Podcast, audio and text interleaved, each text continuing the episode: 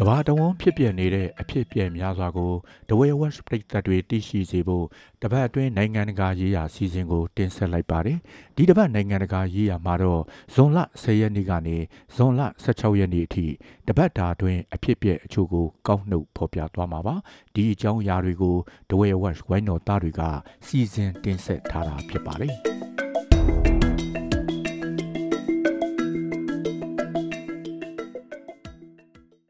ဂျပန်နိုင်ငံမှာဟယ်ရီပိုတာဥယျာဉ်ကိုဇွန်လ16ရက်နေ့ကစတင်ဖွင့်လှစ်လိုက်ပါတယ်။စတင်ဖွင့်လှစ်လေခြင်းလက်မှတ်တွေကအကုန်ရောင်းကုန်သွားခဲ့တာပါ။လက်မှတ်ဈေးနှုန်းကတော့လူကြီးတွေအတွက်44ဒေါ်လာနဲ့ညီမျှတဲ့ယန်6300ကနေစပြီးကလေးတွေအတွက်ယန်3800သတ်မှတ်ထားပါတယ်။ဟယ်ရီပိုတာဇာတ်လမ်းထဲက Hogwarts မော်ကျောင်းတော်ရှုပ်ပွဲခမ်းမဆောင်တွေနဲ့ဇက်ဝင်ခန်းနေရာတွေကိုလေ့လာကြည့်ရှုနိုင်တော့မှာဖြစ်ပါတယ်။ အထဲမှာ Harry Potter အမှတ်တရပစ္စည်းတွေကိုလည်းဝယ်ယူနိုင်မှာဖြစ်ပါတယ်။ဒီဥယျာဉ်ကို2020ကပိတ်သွားတဲ့တိုကျိုမြို့ကစတူယန်မီတာ3000ကျော်ရှိတဲ့တိုရှီမန်အပန်းဖြေဥယျာဉ်မြေနေရာပေါ်မှာတည်ဆောက်ထားတာဖြစ်ပါတယ်။ကင်ညာနိုင်ငံမှာအစာငတ်ခံကူးကွယ်မှုကြောင့်ဇွန်လ23ရက်နေ့မှာတေဆုံးသူလူပေါင်း300ကျော်ရှိသွားပြီဖြစ်ပါတယ်။ တစ်တောထဲမှာအလောင်းတွေကိုအစိုးရကပြန်ဖော်ခဲ့ရာကခုလို300ကျော်အထိတွေ့ရှိလာခဲ့ရတာပါ။သူတို့ကိုယ်တိုင်ရောကလေးတွေကိုပါအစာငတ်ခံအသေးခံခြင်းဟာကဘာမပြတ်မီကောင်းကင်ဘုံကိုရောက်နိုင်တယ်လို့ခေါင်းဆောင်ဖြစ်သူကဟောပြောခဲ့တာကနေစတင်ခဲ့တယ်လို့ဆိုထားပါတယ်။ကင်ညာနိုင်ငံရဲ့အရှိတောင်ပိုင်း ရှာကာဟိုလာတစ်တောကလူတွေအစုလိုက်အပြုံလိုက်မြုပ်ထားတာကိုဖော်လိုက်တဲ့အခါရုပ်အလောင်း19လောင်းကိုထပ်မံတွေ့ရှိခဲ့ရတာကြောင့်စုစုပေါင်းတေဆုံးသူ303ဦးဖြစ်သွားခဲ့တာပါလူပေါင်း600ကျော်ပျောက်နေဆဲဖြစ်ပါတယ်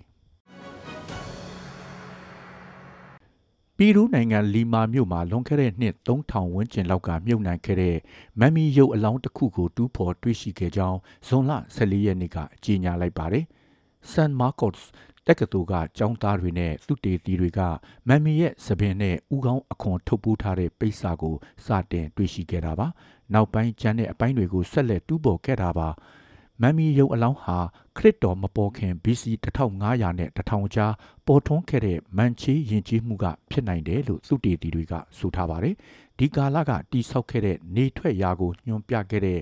အင်္ဂလိပ်အခရာယူပုံတရံဖျားချောင်းတွေနဲ့ဆက်ဆက်မှုရှိနိုင်တယ်လို့ဆိုထားပါတယ်။ဒီရုပ်အလောင်းဟာဖျားချောင်းနောက်ဆုံးအစ်စ်တိဆောက်ခဲ့စဉ်က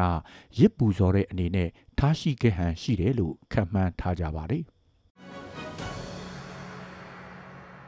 စစ်ပွဲတွေဆင်းရဲမွဲတေမှုတွေငတ်မှုမှုတွေခံနေရတဲ့စီးရီးယားနိုင်ငံသားတွေအတွက်ဒေါ်လာ10.3ဘီလီယံအကူအညီပေးအပ်ဖို့နိုင်ငံတကာအလှူရှင်တွေကနေဇွန်လ15ရက်နေ့ကကတိပြုလိုက်ပါတယ်။ Brussels မြို့တော်မှာဥရောပသမဂ္ဂကအင်ရှင်ဖြစ်ကျင်းပခဲ့တဲ့စီးရီးယားအရေးညီလာခံမှာနိုင်ငံပေါင်း90ခုနိုင်ငံနဲ့နိုင်ငံတကာအဖွဲ့အစည်း30တို့ကနေကတိကဝတ်ပြုခဲ့တာပါ။ ဒီပမာဏဟာကုလသမဂ္ဂကဆီးရီးယားအတွက်တောင်းခံထားတဲ့လူသားချင်းစာနာထောက်ထားမှုဆိုင်ရာအကူအညီလိုအပ်ချက်တဲ့အမေရိကန်ဒေါ်လာသန်း800လောက်လျော်နေနေပါသေးတယ်။ဒီငွေတွေကိုပြည်တွင်းစစ်ဖြစ်နေတဲ့ဆီးရီးယားနိုင်ငံထဲကဒုက္ခသည်တွေနဲ့အိမ်နီးချင်းနိုင်ငံတွေအထူးသဖြင့်တူရကီ၊လက်ဘနွန်နဲ့ဂျော်ဒန်နိုင်ငံတွေမှာထွက်ပြေးရောက်ရှိနေတဲ့ဆီးရီးယားဒုက္ခသည်9.8တန်းကိုကူညီရမှာအသုံးပြုမှာဖြစ်ပါတယ်။ ဆီးရီးယားပဋိပက္ခ73နှစ်တာကာလအတွင်းမှာလူတသန်းခွဲနီးပါးသေဆုံးခဲ့ရပြီးစစ်မဖြစ်မီကလူဦးရေ23တန်းရဲ့တဝက်ဟာလည်းအိုးမဲ့အိမ်မဲ့ဖြစ်ခဲ့ရပါတယ်။ဂရိနဲ့အီတလီကြားက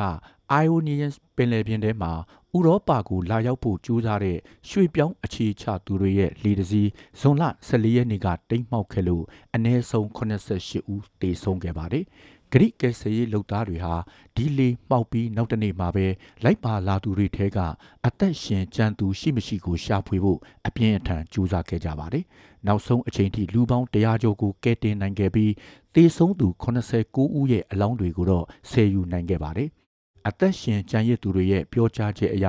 လူတွေရာနဲ့ချီပျောက်ဆုံးနေစေဖြစ်ပြီးအမျိုးသမီးတွေနဲ့ကလေးငယ်တွေကဲတင်ခံရတဲ့သူတွေထဲအနှဲငယ်သာပါဝင်နေပါသေးတယ်။ ဒီလေထဲမှာကလေးငယ်100လောက်ပါလာတာဖြစ်တယ်လို့အသက်ရှင်ကြံရစ်သူတူကလည်းပြောဆိုထားပါတယ်။အသက်ရှင်ကြံရစ်သူတွေထဲကအများစုကတော့ဆီးရီးယား၊အီဂျစ်နဲ့ပါကစ္စတန်နိုင်ငံတွေကဖြစ်ပါတယ်တီလီလင်ကလူနာတဦးရဲ့ကြောက်ကတ်ထဲကနေကပ္ပစံချိန်တင်အကြီးဆုံးကြောက်တလုံးကိုခွဲစိတ်ဖယ်ရှားပေးနိုင်ခဲ့ပါတယ်။ဇွန်လတရက်ကကိုလံဘိုစစ်ဆေးရုံမှာ တီလီလင်ကစစ်ဆရာဝန်တွေကနေခွဲစိတ်ဖယ်ရှားပေးခဲ့တာပါ။ကြောက်ဟာအရှိ73.32စင်တီမီတာအလေးချိန်801ဂရမ်ရှိပြီးရခင်စံချိန်နှစ်ခုကိုချိုးဖျက်နိုင်ခဲ့တာပါ။2004ခုနှစ်ကအိန္ဒိယမှာအရှည်73စင်တီမီတာရှိတဲ့ကြောက်2008ခုနှစ်ကပါကစ္စတန်မှာအလေးချိန်620ဂရမ်ရှိတဲ့ကြောက်တွေကိုချိုးဖျက်နိုင်ခဲ့တာပါလူဦးရေရဲ့ဆရာခိုင်နှုန်းဟာသူတို့ရဲ့သက်တမ်းတွေထဲ ကြောက်ကတ်ကြောက်တည်တဲ့အခြေအနေကိုခံစားရနိုင်တယ်လို့ဆိုထားပါတယ်တရှိုးလုတ်တယ်ဆိုပြီးဆွဆွဲချက်တွေနဲ့ရုရှားနိုင်ငံမှာမတ်လကလေးကတိမ့်သိမ်းခံထားရတဲ့အမေရိကန်သတင်းထောက်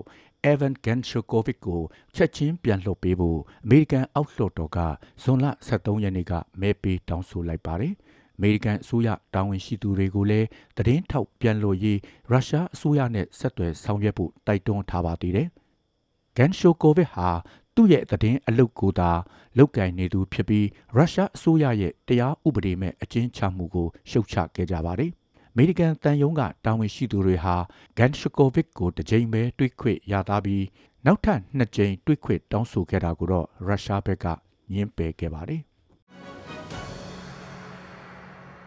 ရုရှားဒုံးကျည်တိုက်ခိုက်မှုကြောင့်ယူကရိန်းနိုင်ငံအိုရက်ဆာမြို့ရှိဈေးဝယ်စင်တာတစ်ခုဇွန်လ14ရက်နေ့ကထိမှန်ပျက်စီးခဲ့ရပါတယ်။ဈေးဝယ်စင်တာထိမှန်ခဲ့လို့အနည်းဆုံးလူ3ဦးသေဆုံးခဲ့ပါတယ်။တိုက်ခိုက်ခံရမှုကြောင့်အနည်းဆုံး73ဦးဒဏ်ရာရရှိခဲ့ပြီးဒုံးကျည်၄ခုအနက်3ခုကိုကြားဖြတ်နိုင်ခဲ့တယ်လို့ဆိုထားပါတယ်။ဇွန်လ23ရက်နေ့ကလည်းယူကရိန်းသမ္မတဇလန်စကီမွေရမြေ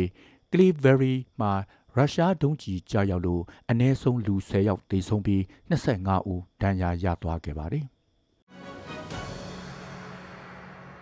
အသက်မရှိတော့ဘူးလို့ဆရာဝန်မှတ်ချက်ပေးခဲ့တဲ့အီကွေဒိုနိုင်ငံကအမျိုးသမီးကြီးတဦးအကောင့်ထဲရောက်မှအသက်ရှူနေတာကိုမြင်တွေ့ခဲ့ရပါတယ်။အသက်86နှစ်အရွယ်အီကွေဒိုအမျိုးသမီးမွန်တိုယာဟာ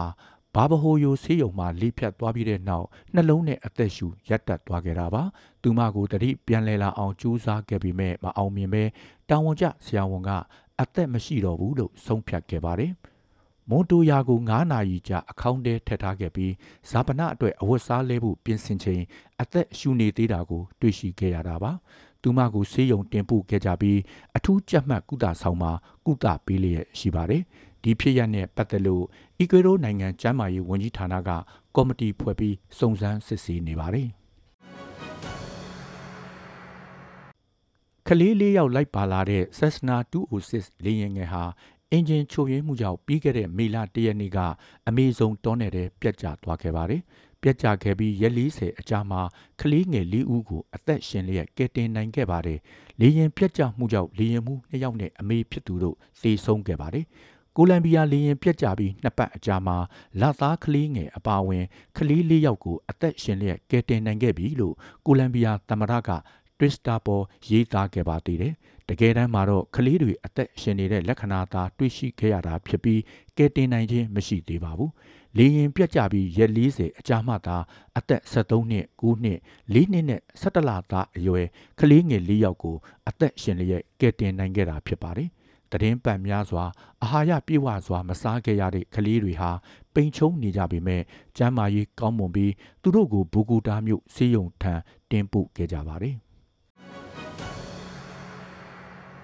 ပရိသတ်ပေါင်းတို့စေရောကိုပါကျမ်းမာချမ်းသာကြပါစေကြောင်းနဲ့ကပ်ဘေးအမျိုးမျိုးကနေအမြန်ဆုံးလွတ်မြောက်ကြပါစေကြောင်းဒဝဲဝက်ဝိုင်းတော်သားတွေကစုမုံကောင်းတောင်းအပ်ပါတယ်။နောက်ပတ်မှာလည်းနိုင်ငံတကာရေးရာအစည်းအဝေးကိုစောင့်မျှော်အားပေးကြပါအောင်ခင်ဗျာ။